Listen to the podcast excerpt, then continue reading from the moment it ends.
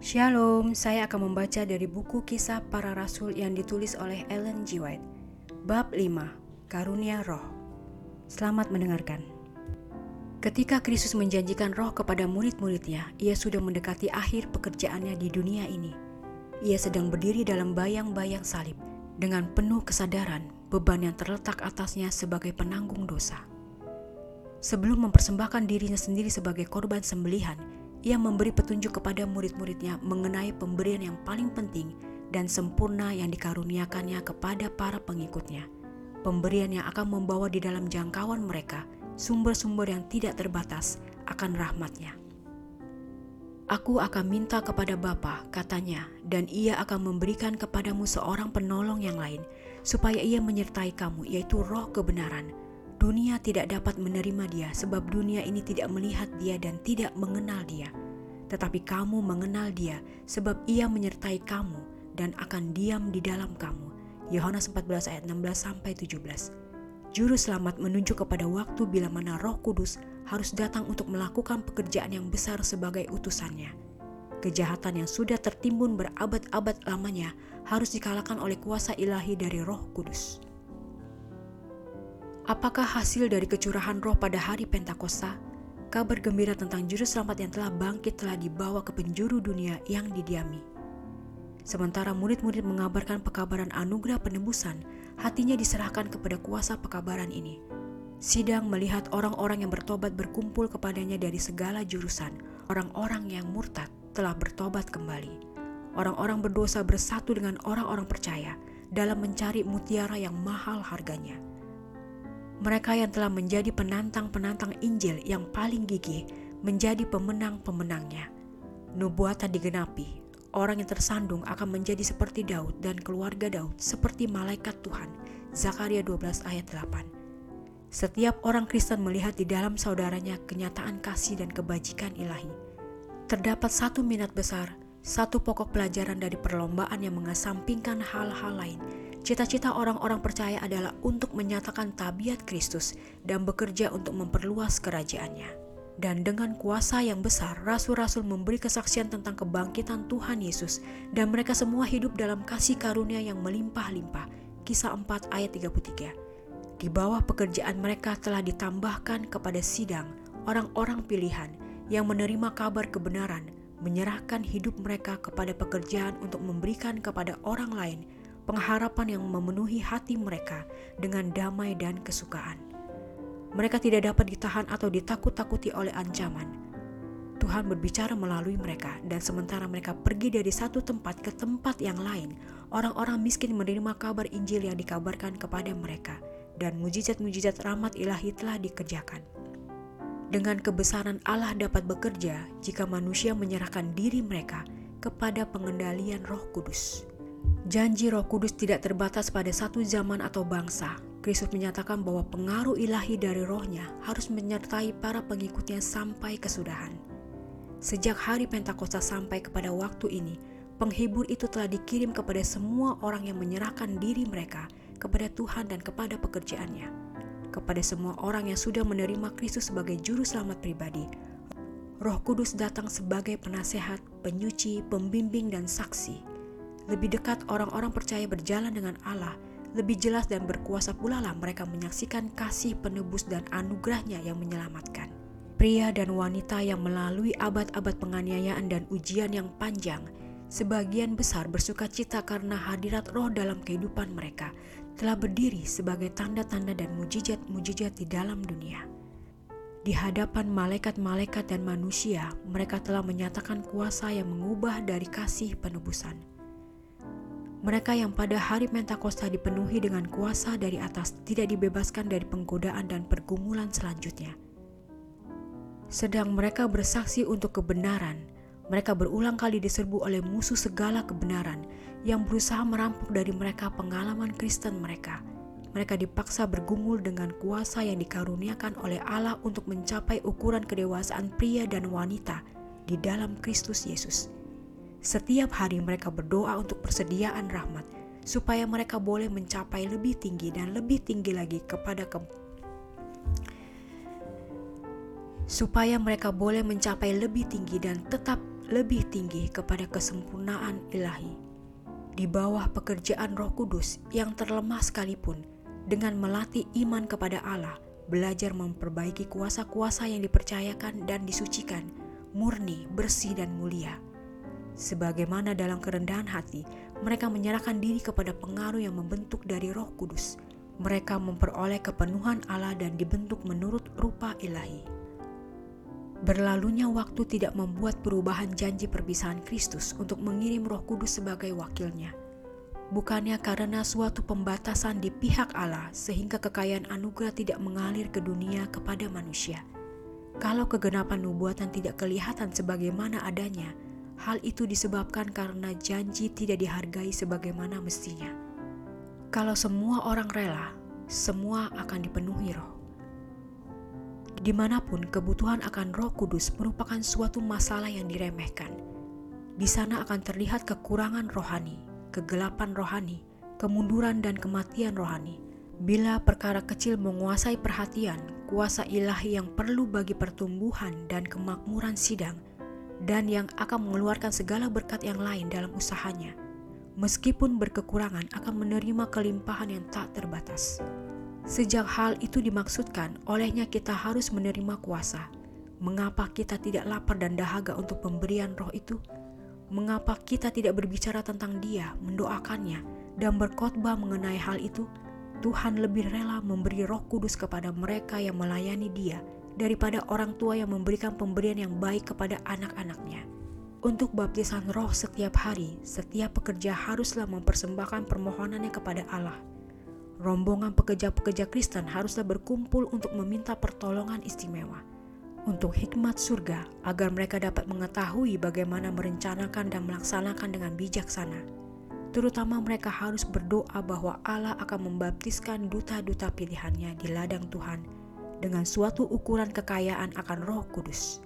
Kehadiran roh bersama pekerja-pekerja Allah akan menjadi pemasyuran kebenaran suatu kuasa yang tidak segala kuasa atau kemuliaan dunia dapat berikan. Dengan pekerja Allah yang berserah di mana pun ia ada, Roh Kudus akan berserta. Perkataan yang diucapkan terhadap murid-murid diucapkan juga kepada kita. Penghibur itu adalah milik kita sama seperti milik mereka. Roh itu menyediakan kekuatan yang menyokong jiwa yang berusaha dan bergumul dalam setiap keadaan di tengah kebencian duniawi dan kesadaran akan kegagalan dan kesalahan mereka sendiri. Dalam kesusahan dan kesukaran, bila pandangan tampaknya gelap dan masa depan itu mencemaskan, dan kita merasa tidak berdaya dan sendirian, inilah waktunya bila mana sebagai jawaban atas doa iman, Roh Kudus memberikan penghiburan kepada hati. Bukanlah bukti yang meyakinkan bahwa seorang manusia adalah seorang Kristen, sebab ia menyatakan kegembiraan rohani di bawah keadaan yang luar biasa.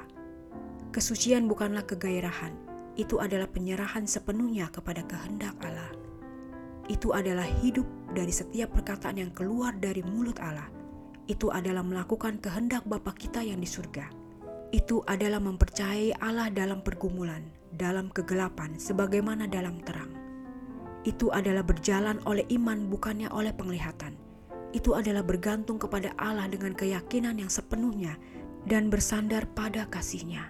Tidaklah penting bagi kita untuk dapat mendefinisikan apa Roh Kudus itu Kristus mengatakan kepada kita bahwa roh adalah penghibur, roh kebenaran yang keluar dari Bapa. Dengan jelas diterangkan mengenai roh kudus bahwa dalam pekerjaannya memimpin manusia kepada segala kebenaran. Ia tidak akan berkata-kata dari dirinya sendiri. Yohanes 15 ayat 26 dan Yohanes 16 ayat 13. Sifat roh kudus adalah suatu rahasia. Manusia tidak dapat menjelaskannya sebab Tuhan belum menyatakan kepada mereka manusia mempunyai pandangan-pandangan penuh fantasi untuk menyatukan seluruh kitab suci sesuai dengan suatu pertimbangan manusia sendiri. Tetapi penerimaan akan pandangan ini tidak akan menguatkan sidang. Mengenai rahasia seperti itu yang terlalu dalam bagi pengertian manusia, berdiam adalah emas. Pekerjaan Roh Kudus dengan jelas ditentukan dalam perkataan Kristus, dan kalau Ia datang, Ia akan mengisafkan dunia akan dosa kebenaran dan penghakiman. Yohanes 16 ayat 8. Roh Kuduslah yang menghukumkan dosa. Jikalau orang berdosa menyambut pengaruh yang menghidupkan dari Roh Kudus, ia akan dibawa kepada pertobatan dan dibangkitkan kepada pentingnya menurut tuntutan ilahi. Kepada orang berdosa yang bertobat, lapar dan dahaga akan kebenaran, Roh Kudus menyatakan domba Allah yang mengangkut dosa isi dunia. Ia akan memuliakan aku, sebab ia akan memberitakan kepadamu apa yang diterimanya daripadaku, kata Kristus. Dialah yang akan mengajarkan segala sesuatu kepadamu dan akan mengingatkan kamu akan semua yang telah kukatakan kepadamu. Yohanes 16 ayat 14 dan Yohanes 14 ayat 26. Roh itu diberikan sebagai alat untuk membarui, untuk membuat keselamatan itu berhasil oleh kematian penebusan kita. Roh Kudus selalu menarik perhatian orang-orang kepada persembahan besar yang telah diadakan di salib Kalvari untuk membuka kepada dunia kasih Allah dan untuk membuka kepada jiwa yang berdosa perkara-perkara yang indah dari kitab suci. Setelah menyatakan keyakinan akan dosa dan mempersembahkan di hadapan pikiran standar kebenaran itu, Roh Kudus menarik kasih dari perkara-perkara dunia ini dan memenuhi jiwa dengan keinginan akan kesucian. Ia akan memimpin kamu ke dalam seluruh kebenaran. Yohanes 16 ayat 13, kata juru selamat. Jika manusia rela untuk dibentuk, akan ada suatu penyucian untuk segala makhluk. Roh akan mengambil perkara-perkara Allah dan mencapkannya kepada jiwa. Oleh kuasanya, jalan kehidupan akan dijadikan begitu jelas sehingga tidak seorang pun perlu bersalah dalamnya. Sejak permulaan Allah telah bekerja oleh roh kudusnya dengan perantaran manusia untuk pelaksanaan maksudnya untuk kepentingan bangsa yang telah jatuh. Hal ini dinyatakan dalam kehidupan bapak-bapak. Kepada sidang di padang belantara juga, pada zaman Musa, Allah mengaruniakan rohmu yang baik untuk mengajar mereka. Nehemia 9 ayat 20 dan pada zaman rasul-rasul ia mengerjakan bagi sidangnya melalui perantaraan roh kudus. Roh yang sama yang menunjang bapa-bapa dan yang memberikan kepada Kaleb dan Yosua iman dan keberanian menjadikan pekerjaan sidang rasul-rasul itu berhasil. Telah menjunjung tinggi anak-anak Allah yang setia pada tiap-tiap zaman berturut-turut adalah melalui kuasa Roh Kudus sehingga selama zaman kegelapan orang-orang Kristen Waldensis menolong menyediakan jalan untuk reformasi adalah kuasa yang sama yang menjadikan usaha yang berhasil dari pria dan wanita yang mulia yang merintis jalan untuk mendirikan tugas modern dan untuk terjemahan kitab suci ke dalam bahasa dan dialek bangsa-bangsa dan orang banyak. Dan dewasa ini Allah menggunakan sidangnya untuk menyatakan maksudnya dalam dunia ini. Dewasa ini, pesuruh-pesuruh salib sedang pergi dari kota ke kota, dari negeri ke negeri, menyediakan jalan bagi kedatangan Kristus kedua kali standar hukum Allah ditinggikan. Roh dari Yang Maha Kuasa sedang bekerja dalam hati manusia, dan mereka yang menyambut pengaruhnya menjadi saksi bagi Allah dan kebenarannya. Di banyak tempat, pria dan wanita yang mengabdi terlihat sedang menyampaikan kepada orang-orang lain terang yang telah menerangi jalan keselamatan mereka melalui Kristus. Dan sementara mereka membiarkan terang mereka bercahaya, seperti yang dilakukan oleh mereka yang telah dibaptiskan dengan roh pada hari Pentakosta, mereka mendapat kuasa roh lebih dan lebih banyak lagi. Dengan demikian, dunia ini akan diterangi dengan kemuliaan Allah. Sebaliknya, ada beberapa orang gantinya mempergunakan dengan kebijaksanaan kesempatan yang sekarang, sedang menunggu beberapa kekhususan dari penyegaran rohani, oleh mana kesanggupan mereka untuk menerangi orang-orang lain akan bertambah besar. Mereka sekarang melalaikan kewajiban dan hak dan membiarkan lampu mereka menyala dengan suram, sementara mereka memandang kepada waktu tanpa suatu usaha, mereka akan dijadikan penerima berkat istimewa, oleh mana mereka akan diubahkan dan dilayakkan untuk pelayanan. Memang benar bahwa pada masa kesudahan, bila pekerjaan Allah di dunia ini sedang akan berakhir, usaha yang sungguh-sungguh yang ditanamkan oleh orang-orang percaya yang berserah di bawah tuntutan Roh Kudus akan disertai oleh tanda-tanda yang khusus dari kemurahan ilahi. Di bawah gambaran hujan awal dan hujan akhir, yang turun di negeri-negeri timur pada waktu menabur dan menuai. Nabi-nabi Ibrani meramalkan pemberian anugerah dalam ukuran yang luar biasa ke atas sidang Allah. Kecurahan roh pada zaman rasul-rasul adalah permulaan dari hujan awal dan hujan akhir, dan hasilnya gemilang. Sampai kepada akhir zaman, hadirat roh akan tinggal bersama sidang yang benar. Tetapi menjelang berakhirnya penuaian dunia, Suatu kecurahan yang istimewa akan rahmat rohani dijanjikan untuk menyediakan sidang bagi kedatangan anak manusia. Kecurahan roh ini disamakan dengan turunnya hujan akhir. Dan adalah untuk kuasa yang bertambah ini, orang-orang Kristen harus mengirimkan permohonan mereka kepada Tuhan penuaian itu pada akhir musim semi. Sebagai sambutan, Tuhanlah yang membuat awan-awan pembawa hujan deras dan hujan lebat akan diberikannya. Sebab telah diberikannya kepadamu hujan pada awal musim dengan adilnya, hujan pada awal dan hujan pada akhir musim seperti dulu. Zakaria 10 ayat 1 dan Yoel 2 ayat 23. Tetapi kecuali anggota-anggota sidang Allah dewasa ini mempunyai hubungan yang hidup dengan sumber semua pertumbuhan rohani. Mereka tidak akan siap untuk waktu penuaian, kecuali mereka menjaga lampu dalam keadaan terpelihara dan menyala. Mereka akan gagal menerima anugerah tambahan pada saat-saat yang paling membutuhkan. Hanya mereka yang selalu menerima perlengkapan anugerah yang segar akan mendapat kuasa yang seimbang atas keperluan mereka setiap hari dan kesanggupan untuk menggunakan kuasa itu. Gantinya memandang kepada waktu yang akan datang. Bila melalui suatu pemberian khusus untuk kuasa rohani, mereka akan menerima alat yang luar biasa untuk penarikan jiwa. Mereka menyerahkan diri setiap hari kepada Allah, supaya Ia dapat menjadikan mereka bejana untuk digunakannya. Setiap hari mereka mempergunakan kesempatan untuk pelayanan yang terletak di dalam jangkauan mereka. Setiap hari mereka bersaksi untuk Tuhan di mana saja mereka berada. Apakah dalam lingkungan yang sederhana dari pekerjaan di dalam rumah atau kegunaan di tempat umum? Untuk pekerja yang berserah, ada suatu penghiburan yang ajaib dalam pengetahuan yang bahkan Kristus sendiri dalam kehidupannya di dunia ini mencari Bapaknya setiap hari untuk pertolongan kesegaran anugerah yang diperlukan. Dan dari hubungan dengan Allah ini, ia keluar untuk menguatkan dan memberkati orang-orang lain. Lihatlah anak Allah tunduk di dalam doa kepada Bapaknya. Meskipun ia adalah anak Allah, ia menguatkan imannya dengan doa. Oleh berhubungan dengan surga, mengumpulkan baginya sendiri kuasa untuk melawan kejahatan dan melayani keperluan-keperluan orang banyak sebagai saudara laki-laki yang tertua dari bangsa kita, ia mengetahui keperluan orang-orang dikelilingi dengan kelemahan hidup dalam dunia yang penuh dosa dan pencobaan, masih rindu untuk melayani Dia. Ia mengetahui bahwa pembawa-pembawa kabar yang dilihatnya cocok untuk diutus adalah orang-orang yang lemah dan cenderung bersalah.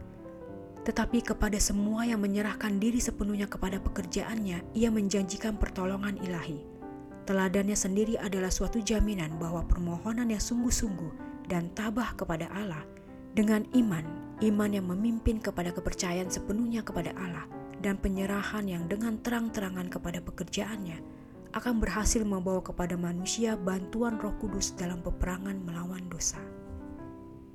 Setiap pekerja yang mengikuti teladan Kristus akan disediakan untuk menerima dan menggunakan kuasa yang telah dijanjikan Allah kepada sidangnya untuk masa penuaian dunia. Dari pagi ke pagi, sementara utusan-utusan Injil bertelur di hadapan Tuhan dan membarui perjanjian penyerahan mereka kepadanya, ia mengaruniakan kepada mereka hadirat rohnya dengan kuasa yang membaharui dan menyucikan. Sementara mereka maju dalam kewajiban setiap hari, mereka mempunyai jaminan bahwa wakil yang tidak kelihatan, yaitu Roh Kudus, menyanggupkan mereka untuk bekerja bersama-sama dengan Allah.